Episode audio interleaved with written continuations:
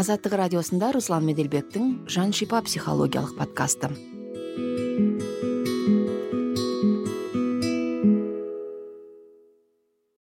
Сәлеметсіз бе? Бұл азаттықтың жан шипа психологиялық подкасы. Сіздермен бірге подкасттың жүргізушісі әрі авторы руслан меделбек. Подкастымызда адамның жан дүниесіне қатысты тақырыптарды қозғап жүрміз. Осыған дейінгі эпизодтарымызда біз психотравма жеке шекара бала тәрбиесі адамның эмоциясы өкпе ренішті жою қорқыныш пен үрей тақырыптарын басқа түскен қайғыны еңсеру тақырыптарын қозғағанбыз. Эпизодтарымызды азаттық сайтынан азаттықтың ютуб каналынан apple подкасттан google подкасттан тыңдай аласыздар. Осы эпизодтарымыздан кейін бізге тыңдарман тарапынан біраз сұрақтар келген. Сол сұрақтарға да көңіл бөліп қояйық деп осы эпизодымызды сіздерден келген сауалдарға арнамақпыз. Тыңдармандардан түскен сауалдарға кәсіби психолог сая бахимова жауап береді. Сая жаншипаға қош келдіңіз. Сәлеметсіз бе руслан. Шақырғаныңызға рахмет. Сая бақимова әл фараби атындағы қазақ ұлттық университетінің психология мамандығын тәмамдаған. Психоанализ бағытындағы психотерапевт. Ересектермен және жасөспірімдермен жеке терапия өткізеді өмірде кездесетін түрлі психологиялық мәселелермен кризистермен жұмыс істейді.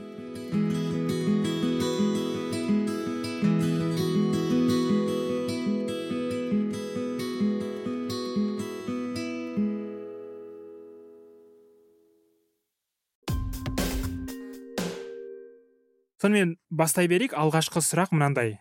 Жас жігіттен келген екен. Қыз сындыра алмаймын дейді. Ылғи жасқанып жүремін. Қыздар мені менсінбейтін сияқты. Қызға сөз салайын десем отказ аламын деп қорқамын. Бұл қорқынышты қалай жеңсем болады дейді.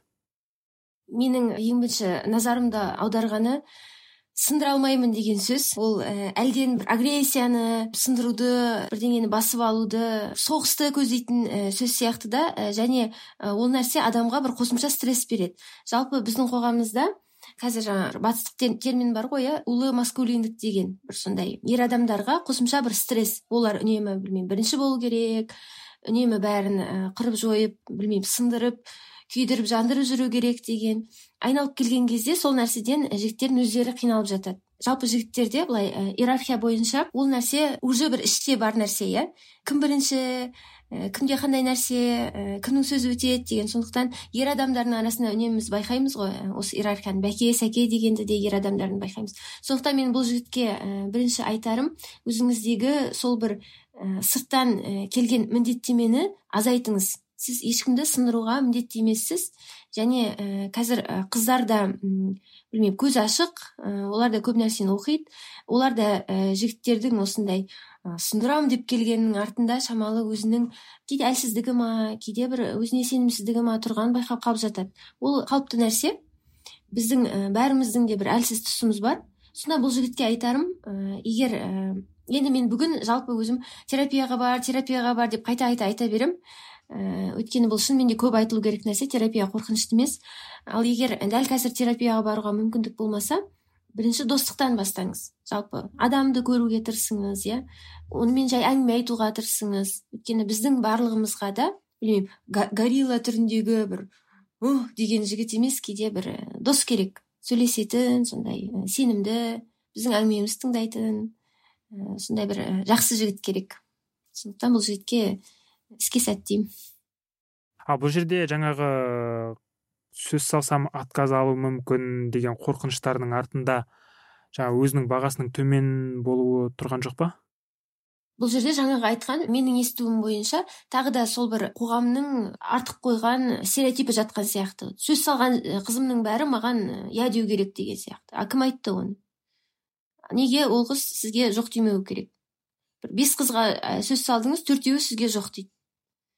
Ол енді қалыпты нәрсе ғой біз соны көтере білуіміз керек.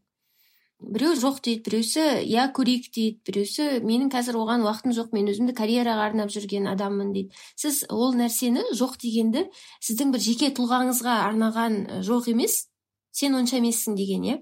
Ол адамның да ішкі мәселесіне кеше ғана ол жігітімен ажырасқан шығар соның әлі қайғысын ол қайғырып болмаған шығар. Сіздің түк қатысыңыз жоқ шығар. Сондықтан иә дегенді де жоқ дегенді де бір аспай саспай бір сабырмен көтере білу керек сияқты. Көптеген сұрақ келген осы іспетте соның ішінде біреуін таңдап алдым. Бастаған ісім өнбейді жоспар құрам бірақ құрған жоспарым орындалмайды. Университеттегі сабақтан келіп тик токта инстаграмда жата бергім келеді. Әлеуметтік желіде жатып уақытым қалай өткенін білмей қаламын дейді. Ағылшын тілін оқиын деп бірнеше рет бастадым. Бірақ тастап кеттім соңына дейін жеткізе алмадым. Өзімді қалай қолға алсам болады? Бірінші біздің адамдарда жалпы тағы да сол ә, сырттан келетін арман мақсаттар көп сияқты. Кейде адам айтады мен білмеймін марафон жүгіруім керек йогаға баруым керек ананы істеуім керек биге баруым керек тіл үйренуім керек ал айналып келген кезде оның ешқайсысы өзінің бір ішкі қалауы емес оған қызық та емес. Бір жерде біреу айтты мен міне керемет болып тіл үйреніп жатырмын деген. Бізге де бір содан қалып қоймау керек сияқты болады да. Сондықтан сіз онсыз да көп жұмыс бітіріп жүрсіз. Оқып жатырсыз жұмыстан келдіңіз. Соның өзі үлкен жұмыс. Неге жұмыстан келгеннен кейін ә, айтады жаңағы отстать от себя иә? Жұмыстан келгеннен неге демалмасқа неге сериал көрмеске неге бір өзімізге мүмкіндік бермеске сондай кайфовать етуге? Неге біз бір жұмыстан шығып бірден жаңағы тағы да бір екінші нәрсеге кіріп кетуіміз керек? Ал ә, одан кейінгі мәселе бұл ә, енді физиологияға байланысты ә, бәрімізде бар менде де бар ә, балаларда да бар әлден. Ә, жалпы ә, дофамин деген гормон бар. Ол гормон ә, біздің бірдеңеге ұмтылған кезімізде иә бірдеңеге тух соған бір қолым жетсе ғой соны істесем ғой деген кезде бөлінетін гормон. Яғни осы бір ә, күтетін кезең соны армандайтын елестететін білмеймін қалай қолым жетеді деген кезеңде біз дофамин бөлінеді де біз сол кезде рахаттанамыз. Бірақ қазіргі біздің өмір салтымызда Э, сол кезең тым қысқа. Біздің бәріміз де бірдеңені қаладық таңертең бардық та ала салдық. Бірдеңе қаладық түнімен отырдық та білмеймін интернет магазиннен заказ бердік ал таңертең уже келіп тұр иә ол курьер. А бұрын тіпті білмеймін поштамен біз қанша уақыт күтетін едік рахаттанатын едік білмеймін бір хаттарды. Қазір барлығы тез. Сондықтан адамдар сол бір кезеңнен рахат алып үлгермейді. Және бұның бір жаман жері физиологияда. Дофаминге тәуелділік пайда болады. Дофамин тез бөлінеді рецепторлар тез оны сіңіріп алады. Одан кейін тағы да тез бөлінеді тез сіңіріп алады. Ә, дофаминді көбірек алған сайын рецепторлар көп бөліне бастайды. Және артық қалған рецепторлар барлығы сіңіріліп кетпейді әрмен қарай денеде. Бос қалған рецепторлар оны бір жаңағы аузы ашылып тұрған аш құстың балапандары ретінде елестетіп көріңіз. Олар үнемі бізден дофамин сұрап тұрады. Ал бізде дофаминді тез алудың жолы ол әлеуметтік желі. Білмеймін мен пост салдым Э, бес минуттан кейін жиырма лайк жинап алдым иә сосын болды одан артық маған дофамин керек емес мен рахаттанып отырмын бір қысқа бес секундтық видео көріп алдық уже дофамин алдық сондықтан да барлық дінде бар ғой оразаның аналогтары иә ораза ұстау деген ол ораза тек қана тамаққа байланысты емес қой біз соңғы кезде мүмкін соны шатастырып алдық па осы бір ораза дейді адамдар қазір аскеза дейді ол нәрсені сол дофаминге де ұстануға болады тіпті ұстану керек деп ойлаймын. Бізге кейде дофаминге аштық жариялау керек. Сол кезде біздің рецепторларымыз да демалады артық рецепторлар кері сіңіріледі ә, азайту керек. Дофамин алатын қысқа қысқа нәрселерді мысалға кофе іштім де рахаттанып алдым бір ә, торт жедім де рахаттанып алдым инстаграмға өзімнің суретімді қойдым сосын бәрі бүгін әдемі болып тұрсың дейді ә, соны рахаттанып алдым дегенді азайтсақ біз жаңағы дофамин алу жолын ұзартсақ сіздің тәуелділігіңіз әлдеқайда азаяр еді. Тіл үйрену деген ол деген ұзақ процесс қой. Ол қиын оған мидың күші керек оған белгілі бір мотивация керек. Ол қиын жол дофамин алудың. Ал әлеуметтік желіде отыра салу ол оңай жол дофаминнің. Сондықтан ми айтады не істейміз қиналып одан да біз оңай жолын алайық. Өйткені миға бәрібір неден дофамин алса да. Ол марафон жүгіріп айлтс тапсырып дофамин ала ма әлде білмеймін жаңағы бес секундтық клип көріп дофамин аламын. Миға бәрібір. Сондықтан ол айтады давай мына жолды таңдай салайық деген сияқты. Одан кейін жаңа ортаға барсам өзімді еркін ұстай алмай қаламын. Үнемі даусым шықпай қалады. Ойымды толық жеткізе алмай дірілдеп кетемін. Бұдан қалай құтыламын дейді. Кейбір біздің мінезіміз біздің ерекшелігіміз мүмкін бізбен өмір бойы қалады. Ол қалыпты нәрсе де шығар. Біздің бәріміз енді ә, тойда өзін өте еркін ұстайтын той жүргізетін асаба емес қой иә? Әдетте біздің өміріміз өте бір бір шектеулі ортада өтеді. Отбасымыз біз үйренген адамдар тіпті қонаққа барсақ та біз үйренген адамдармен сөйлесеміз. Ә, кафеге өзіміздің достарымызбен барамыз киноға достарымызбен барамыз. Біздің өміріміз былай қараған кезде үнемі бізге бір комфортта қалыпты жерде өтеді. Арасында ә, біз тарс еткізіп ол ә, комфорттан шығып қаламыз. Танымайтын жерде бірдеңе айту керек болады иә мысалға ә, маған келіп мына жерде подкастта сөйлеу керек болады. Ондай кезде ол қалыпты нәрсе. Біз ә, бәріміз толқимыз. Менде қазір былай бір жағымен ойланып отыруым мүмкін осы мен дұрыс сөйлеп жатырмын ба дұрыс сөйлеп жатқан жоқпын ба деген сияқты. Менің ә, жалпы өзім пайдаланатын әдісім және басқаларға да айтатын әдісім сізге мысалға қазір сөйлеу керек танымайтын ә, бейтаныс ортада сіз толқып тұрсыз онда содан бастаңыз әңгімеңізді. Сәлеметсіздер ме менің атым пәлен түген ә, мен бүгін сіздердің алдарыңызға келіп тұрмын. Мен бірақ аздап қазір толқып тұрмын шамалы қолым дірілдеп тұр. Бірақ енді маған мүмкіндік беріңіздер мен сіздерге күшті нәрсе айтамын деп айтып алсаңыз сіз де жеңілдеп қаласыз. Өйткені жалпы біздің психикамыз біздің ішкі сезімімізді сөзге айналдырған кезде өзін жайлы сезінеді. Мына жерде мысалға сөз бар мына жерде біздің бір эмоциямыз бар. Екеуін біріктірсе біз тынышталамыз. Ол балаларда да ә, жақсы көрінеді мысалға. Бірдеңеден қорқып тұрған балаға сен қорқып тұрсың ба десек ол шамалы тынышталады иә. Ол және терапияда да басты принцип. Не істейміз біз терапияда? Терапияда біз ішкі эмоцияны тек сөзге айналдырамыз болды басқа ешқандай ә, тылсым нәрсе жоқ. Сондықтан сізге айтатын менің кеңесім алдын ала айтып көріңіз мен толқып тұрмын деп. Сол кезде сізге аудиторияның да шамалы лояльності артады. Олардың да ішінде өйткені бәрібір толқитын адамдар болады. Сізге құлақ асады сізді ет пен сүйектен жаратылған кәдімгі адам екеніңізді көреді. И бір байланыс туындайды аудиториямен.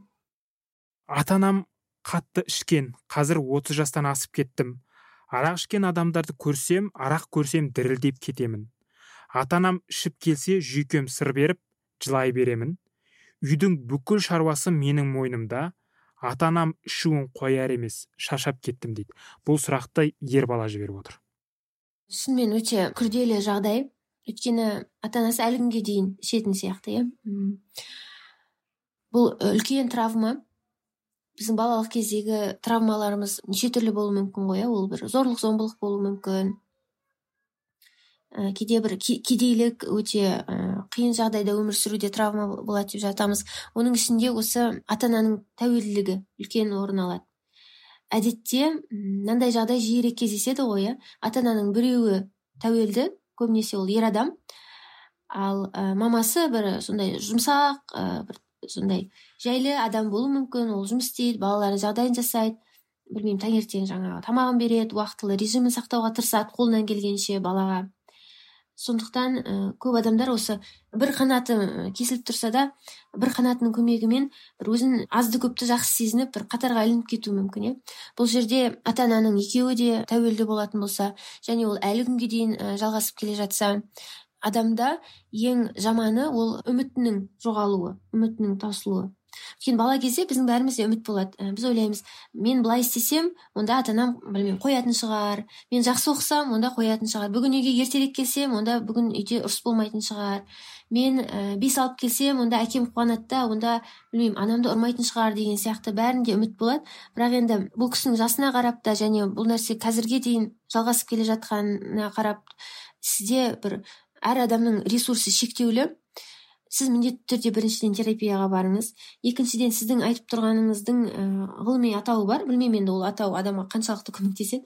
Парентификация деп аталады ә, психологияда. Яғни қалыпты жағдайда ата ана бізге ата ана болу керек. Ол біздің жағдайымызды жасау керек. Біз кішкентаймыз біз содан кейін аяққа тұрып кетеміз.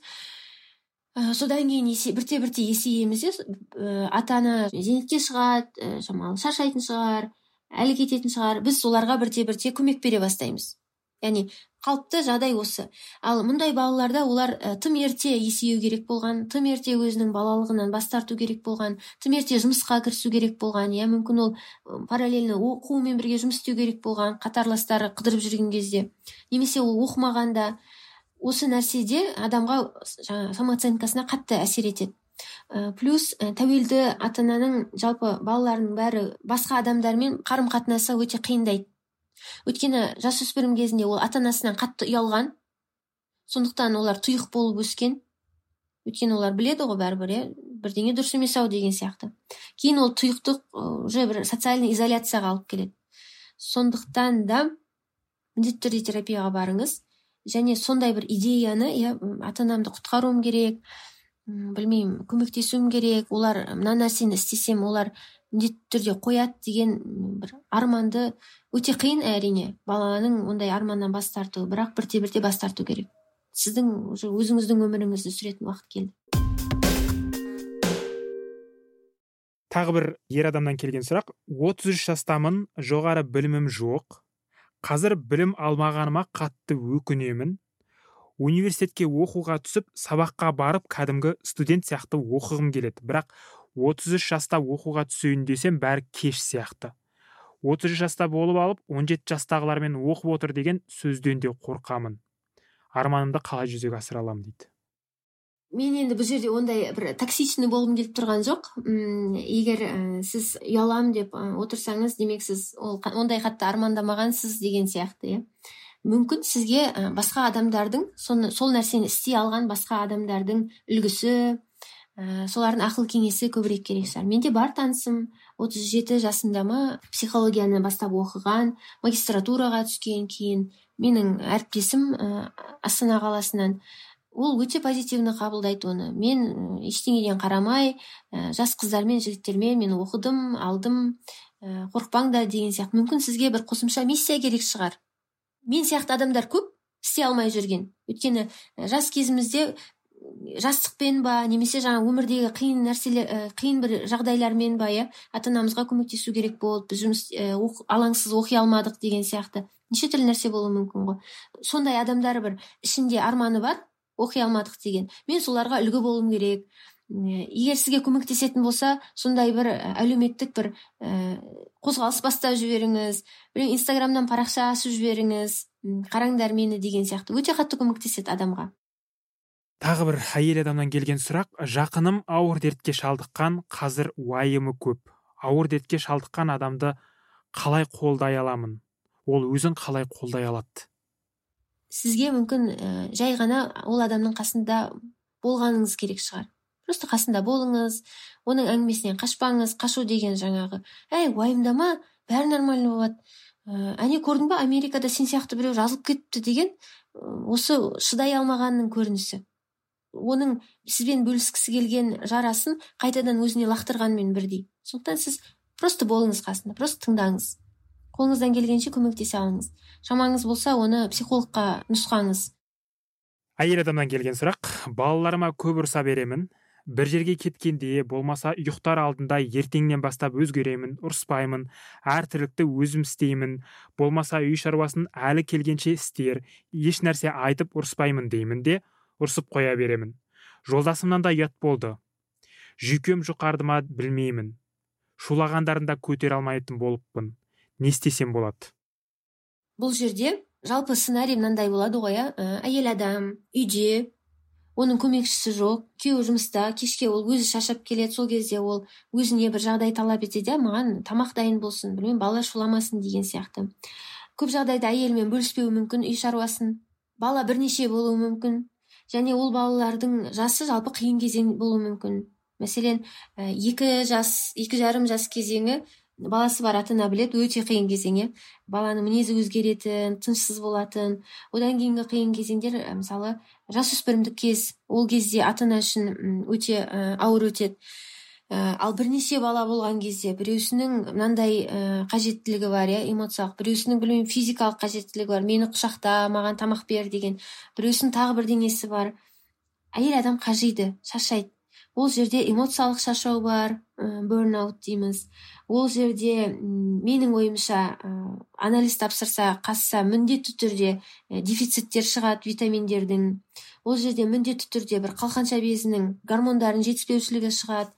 Өзінің арасында білмеймін енді тіс ауырады бас ауырады тізесі ауырады өйткені оның ешқандай мүмкіндігі болмаған шамалы демалыс алып өзіне қарауға әрине шаршайды. Ондай кезде тез тезірек адам ашуланады тез жылайды тез өкінеді яғни мынандай бір тербеліс болады эмоциясы. Оның өзі жаңағы денесінің шаршауы. Бұл жерде уже психология бір техника білмеймін бір медитация дегеннен уже өтіп кеткен адам. Ол ол мен сізді бір қорқытқым келмейді. Но сізге ол көмектеспейді сізге уже денеңіз айтып тұр. Біз шаршадық қалай демалсақ болады. Сондықтан да практикалық заттарды көбірек істеуге тырысыңыз. Көмекші алыңыз мүмкіндік болса. Тіпті күніне бір екі сағат біреу келіп көмектесіп кеткеннің өзі үлкен жұмыс. Егер ә, балам баламды жаңағыдай сабақ оқытамын сосын ай, аяғы оны ұрам соғам ұрсам дейтін ата аналар болады ғой. Ата ана жалпы балаға сабақ оқыту үшін жаралмаған. Біз баланы жақсы көреміз құшақтаймыз жыласа жұбатамыз ал сабақ оқу ол біздің жұмысымыз емес. Бізге ол шыдамаймыз біз ол нәрсеге. Бала бізге қарайды да сен қашаннан бері сабақ үйрететін болғансың? дейді мысалы. Мен сені тыңдамаймын дейді өйткені. Мен сенімен басқа байланысым бар дейді. Сондықтан да өзіңіздің шамаңызды біліңіз әліңіз келетін нәрселерді істеңіз. Өмір салтыңызды барынша жеңілдетуге тырысыңыз ұйқыңызды дұрыстаңыз ертерек ұйықтап қалуға тырысыңыз. Кейде әйелдер өзінің өмірін былай да қиындатып жатады. Баяғыда баласын емшектен шығару керек уақыты уже асып кеткен бірақ әлі келе жатыр иә. Баланың жасы уже екіде екі жарымда. Білмеймін мектепке барады ертең бірақ әлі емізіп келе жатыр. Ол деген зорығу ғой. Физикалық түрде зорығу эмоциялық түрде зорығу ол саған маза бермейді түнімен ұйқы бермейді. Сол уақытыңызды ұйықтауға демалуға арнаңыз да егер сіздің басыңызда сондай жағдай болса физикалық сол демалысқа көбірек мән беріңіз. Бір студенттен келген ұл бала мамам мені ауылға келсе ауылда мектепте жұмыс істесе үйлендіріп ауылда қолда ұстасам деп армандайды жиі айтады. Бірақ мен оған әлі дайын емеспін. Тіпті ауылда тұрғым келмейді. Ағам бөлек шығып кеткен. Қалаға квартира алып кетейін десем ауылды да қимаймын. Мамаға басқа қалай айтсам болады? Мен мүлде ауылда тұрғым келмейді осыны қалай жеткізсем дейді.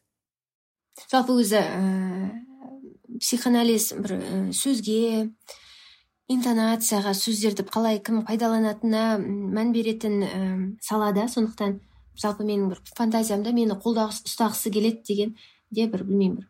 Біз көбінесе бір қолда сиыр ұстайды екен деген сияқты пайдаланамыз ғой иә. Айтыңызшы білмеймін үйде мысық ұстайды екен деген сияқты пайдаланамыз.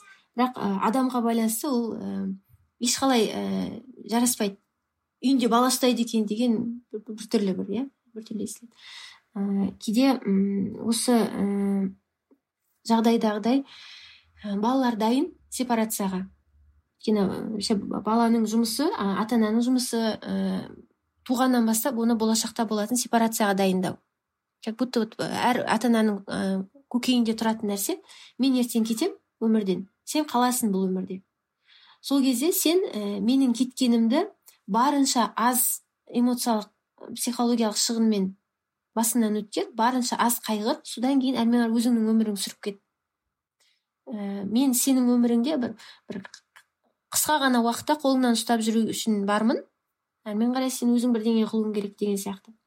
Бірақ ә, бізде көбінесе осы ата ана дайын болмай жатады сепарацияға. Ата ана ә, қасына жібергісі келмейді. Олардың ойында о бастан бір сценарий болады. Мен ә, осы қара шаңырақта қалам ә, бәріне айтам мен балам бүкіл шаруасын тастап менің қасыма келді. Сосын мен бәріне айттым көрдіңдер ма менің балам мені таңдады ана жерде бір саналы бейсаналы түрде бір жарыс болып кетеді. Мені таңдады ма әйелін таңдады ма деген. Кейде үлкен апаларымыз солай жылайды да иә. Әйелін таңдап кетті әйелінің ізінде кетті деген. Ал сен қайдасың? Ә, әйел қайда? Екеуіңіз екі түрлі иерархияда тұрсыз. Біз ә, ешқашан өзіміздің мамамыздың орнына басқа адам таңдай алмаймыз. Біз биологиялық ә, деңгейде біз мамамызға жабысып қалғанбыз. Білмеймін енді ә, өйтіп енді айтса да көп адам ренжитін шығар. Біздің алдымыздағы ұрпақ былай қарасаңыз үйінде көп бала болған иә? Сегіз он бала болған. Ә, ол жерде психологтардың ә, біздің жаңа құлағымызға келетін ең алғашқы сигнал сегіз он бала болған жерде әр балаға қазір айтамыз ғой внимание деп ол жерде мүмкін емес внимание беру ол жерде уже балаң тірі қалса білмеймін отқа суға түсіп қалмаса тамағын ұқсатып берсем киімін ұқсатып кигізсем болды. Ол, ол жерде басқа нәрсе. Сондықтан ол адамдар өскен кезде біздің алдымыздағы аға ұрпақ иә білмеймін мен тағы да бір токсичный болғым келіп тұрған жоқ. Өте аз ғой мысалға бір үйдің сегіз баласы сегізі де бақытты өмірден өз орнын тапқан деген өте аз естиміз. Ол жерде міндетті түрде бір, бір адамның тәуелдігі бар бір адамның ә, тұрақты қарым қатынасқа шамалы қиындығы бар бір адам тағы бірдеңесі бар. Өйткені бәрібір жаңағы бала кездегі шақалақ кездегі дефицит ол қатты әсер етеді. Енді сол адамдар өскен кезде ол сол дефициттің орнын баламен басқысы келеді. Мен менің қасымда балам болады ә, мені мен білмеймін мені жақсы көреді мені тастап кеткен жоқ деген. Өте қиын болады сізге. М жаңа автор сұрақтың авторына айтып тұрмын. Өйткені маманың реакциясы әртүрлі болуы мүмкін. Сіз оған ә, соңына дейін баруға кейде шыдамауыңыз да мүмкін. Өйткені мұндай мамалардың қан қысымы көтеріліп кетеді олар ауырып қалады жүрегі ұстап қалады. Қайта қайта сізді звондап маған кел мен ә, скорый шақырып жатырмын дейді. Сіз өзіңізді міндетті түрде кінәлі сезінетін боласыз. Өйткені сіз сұрағыңызға қарағанда сіз сондай білмеймін. Адал жақсы көретін бала сияқтысыз иә? Өйткені басқа бала вообще шаруасы жоқ ол психологқа сұрақ та қоймас еді ол кете, кетіп болар еді вообще маған звондамаңдар деп. Ал сіз енді былай ә, жаныңыз ә, не ә, жылы ә, сіз алаңдап тұрсыз. Сондықтан сіз кейде тіпті шыдамауыңыз да мүмкін. Он рет мамаңыз звондайды менің қан қысымым көтеріліп жатыр деп сіз бәрін тастап ауылға кетіп қалуыңыз да мүмкін. Ол енді сіздің таңдауыңыз. Сондықтан да сепарация үшін екі жақтың да келісімі керек мамаңыздың да сізге көмегі керек. Ә, білмеймін енді мен сіз айттыңыз ба ойыңызды айтпадыңыз ба? Ақталмай кінәламай ешқандай агрессиясыз айта беруге тырысыңыз. Мен осы жерде оқығым келеді мен осы жерде жұмыс істеймін осы жерде менің болашағым бар мама сіз менің қасыма келіңіз ә, деген сияқты. Жағдай оңай емес мойындау керек. Одан кейін қыз баладан келген анама қатты өкпелімін кішкентай кезімде шынурмен таяқпен көп ұратын үйдің шаруасын көп істететін қазір сол әрекеттерін ойлап кетсем жылап аламын. Есейгенде анаммен көп сөзге келіп қалып жүрмін. Арамыз онша емес. Ылғи ұрғансыз соққансыз деп бетіне баса беремін. Анам адам болсын деп ұрдым деп ақталады. Бұл әңгімеміздің соңы ылғи ренжісумен аяқталады.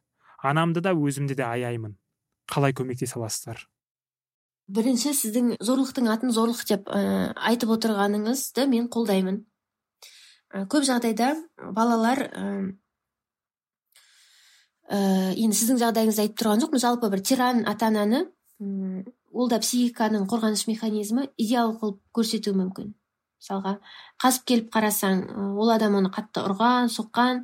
Бірақ үнемі жан жағына сондай керемет адам болды білмеймін. Мен деген сондай тату отбасынан шықтым. Мен деген ата анам деген сондай мейірімді білмеймін ә, деп айта беруі мүмкін. Бұл жерде шамалы қиынырақ болар еді. Иә егер сіз психологқа барсаңыз жұмыс шамалы қиынырақ болар еді. Сіздің айтып отырғаныңыз уже бір үлкен қадам. Сіз зорлықтың атын зорлық деп айтып отырсыз. Сіз айтып отырсыз маған істеген нәрсесі ата анамның дұрыс болған жоқ. Дұрыс емес болып басқаша жасау керек еді. Баланы басқаша өсіру керек деген сияқты. Бірақ екінші жағынан сізді сол кезде ұрған мамаңыз ол басқа адам. Қазіргі мамаңыз уже басқа адам. Ә, біздің ата анамыз ә, бізге қандай ата ана болғанын қазір уже ұмытып қалды. Өйткені адамның жады өте қызық нәрсе. Біз көбінесе ренішімізді есте сақтаймыз ал олар ә, бізді өсіріп қиналғанын шынымен де иә бізге көмектескенін таңертең тұрып бізді мектепке апарғаны есінде олардың үлкен мақтанышы мен баламды өсірдім білмеймін өлтіріп алған жоқпын адам қылдым ол жоғары оқу орны бар деген ә, бір мақтанышы бар. Сондықтан біздің ойымыздағы санамыздағы ата ана мен ата ананың сол кездегі образы екеуі екі түрлі. Сондықтан да сіздің бұл таласыңыз ол ешқашан бітпейді. Өйткені сіздер екі түрлі жағдайды айтып отырсыздар. Ә, сіздің анаңыз айтады сен неге маған рахмет айтпайсың дейді. Ал сіз айтасыз сен неге өкініп менен кешірім сұрамайсыз дейсіз. Ол тоқтамайды ешқашан. Сондықтан да м ата анаға тимейміз. Қазіргі ата анаға тимейміз. Ол басқа адам. Ә, бұл оймен бұл сезіммен ә, терапияға бару керек. Именно осындай жаңағыдай айтқан тәуелділік бар зорлық зомбылық бар ұрған соққан бар жағдайлар міндетті түрде терапияға бару керек. Өйткені болашақта сіз де отбасылы боласыз иә сіздің де балаларыңыз болуы мүмкін. Сондықтан да ал біздің баламыз пайда болған кезде біздің өзіміздің кішкентай кезіміздегі травмаларымыздың барлығы көтеріледі. Ол кейде таңқаласың терапияда. Адам айтуы мүмкін вот менің мамам сондай сондай сондай агрессор адам. Бірақ өзі балаларына дәл соны қайталайды. Ұзақ уақытқа дейін оны байқамауы да мүмкін. Өйткені психика сол арқылы сол кездегі травманы жеңуге тырысады. Сондықтан міндетті түрде терапияға барыңыз. Екіншіден ұм, мамаңызбен ұрса беретін болсаңыз агрессия жасай беретін болсаңыз ол да бір тәуелділіктің бір түрі. Уже адам іздеп тұрады сол агрессияны сол скандалды ол да бір үлкен уже мінездің патологиясы. Онда азайтыңыз мысалға білмеймін қарым қатынасты бұрынғы аптасына бес рет сөйлесу емес бір үш рет сөйлесуге дейін азайтыңыз. Зато ұрыспайсыз. Уже ұрсуға келе жатырмын деген кезде тоқтатыңыз. Өйткені ә, неге патология? Ол қазір ұрсасыз ертең ұрасыз онда. Адам көбірек көбірек эмоция керек болады ғой. Неге адамдар тәуелділікке ұшырайды? Неге там ойынға тәуелді болып қаламыз? Неге картаға тәуелді болып өйткені бізге көбірек эмоция керек. Ертең ә, күндердің бір күнінде ол адреналин сізге жеткіліксіз болып қалады мамаңызбен ұрысқан. Шынымен де сізге уже басқа нәрсе. Терезені сындырасыз масқара ғой сондықтан тоқтату керек. Одан кейін әйел адамнан келген сауал екен. Сіңілім 19 жасында қорада асылып тұрған ағасын көрді. Қазір өте тұйық болып кетті. Кейде түнде ұйқысырайды жүріп кетеді. Қатты қорқынышы бар ашуланшақ. Осы балаға қалай көмектесе аламын дейді. Тек қана терапия тек қана ұзақ уақыттық терапия. Өйткені бұл үлкен травма. Егер тіпті денесін ол қыз таппаған күннің өзінде де отбасында сондай жағдай болса да ол отбасы мүшелерінің бәріне травма болар еді. Өйткені бұл жерде көп көп ауыр эмоциялар араласып кеткен иә. Отбасында сондай жағдай болған кезде бірінші отбасы ә, мүшелері өздерін кінәлайды иә. Біз бір сигналды көрмей қалдық ә, не болды біз не нәрсені байқамай қалдық деген сияқты үлкен кінә жатыр. Одан кейін үлкен ә, ұят сезімі болады. Өйткені оны сөз қылып айтады. Ә, күні кешеге дейін ондай жағдайларды халық айтпаған иә неден қайтыс болатынын жарияламаған өйткені оның артында үлкен бір нарциссический бір ұят жатыр. Жұрт жұрт не дейді деген сияқты. Оған мүмкін дін де әсер еткен шығар. Діни көзқарас та ол нәрсе бір жаман деген сияқты. Ә, ал бұл жерде жағдай тіпті күрделенеді. Денесін өзі тапқан. Он тоғыз жас әлі жасөспірімдік кезең ә, толық аяқталып бітпеген кезең еді. Ә, ал жасөспірімдік кезең шамалы кім кімнің болса да бір тұрақсыз кезі адамның тұрақсыз кезі. Біз әлі ол кезде әр сәрі күйдеміз. Тым ашуланшақпыз тым тез жылаймыз. Ә, кейбір жасөспірімдер жаңағы бүкіл қара нәрсеге кетіп қалады иә. Бір год болып кетеді ма бірдеңелер сала ма бір жасөспірім мынандай болып кете ма. Соның барлығы сол психиканың тұрақсыздығынан ғой. Психика әлі қалыптасып жатқан. И сол сол кезеңнің үстіне осындай травма келіп жабысқан кезде ол өте ауыр. Сіздің жалғыз көмегіңіз оны терапияға апару. Андай ә, не қылып уақыт өткізбеңіз білмеймін оқыту дем салу түшкірту бірдеңе деген сияқты. Жынды болып кетті білмеймін ішіне бірдеңе кіріп кетті деп онсыз да травмадағы адамның одан сайын басын ешкім ауыртпасын. Кім кім болса да сондай жағдайға түсер терапияға барсын. Рахмет сая. Осымен жаншипаның кезекті эпизоды аяқталды. Алдағы эпизодтарымызда психологиялық басқа да тақырыптарды қозғайтын боламыз. Жүрегіңіз бен жан дүниеңізге тыныштық тілеймін. Сау болыңыздар.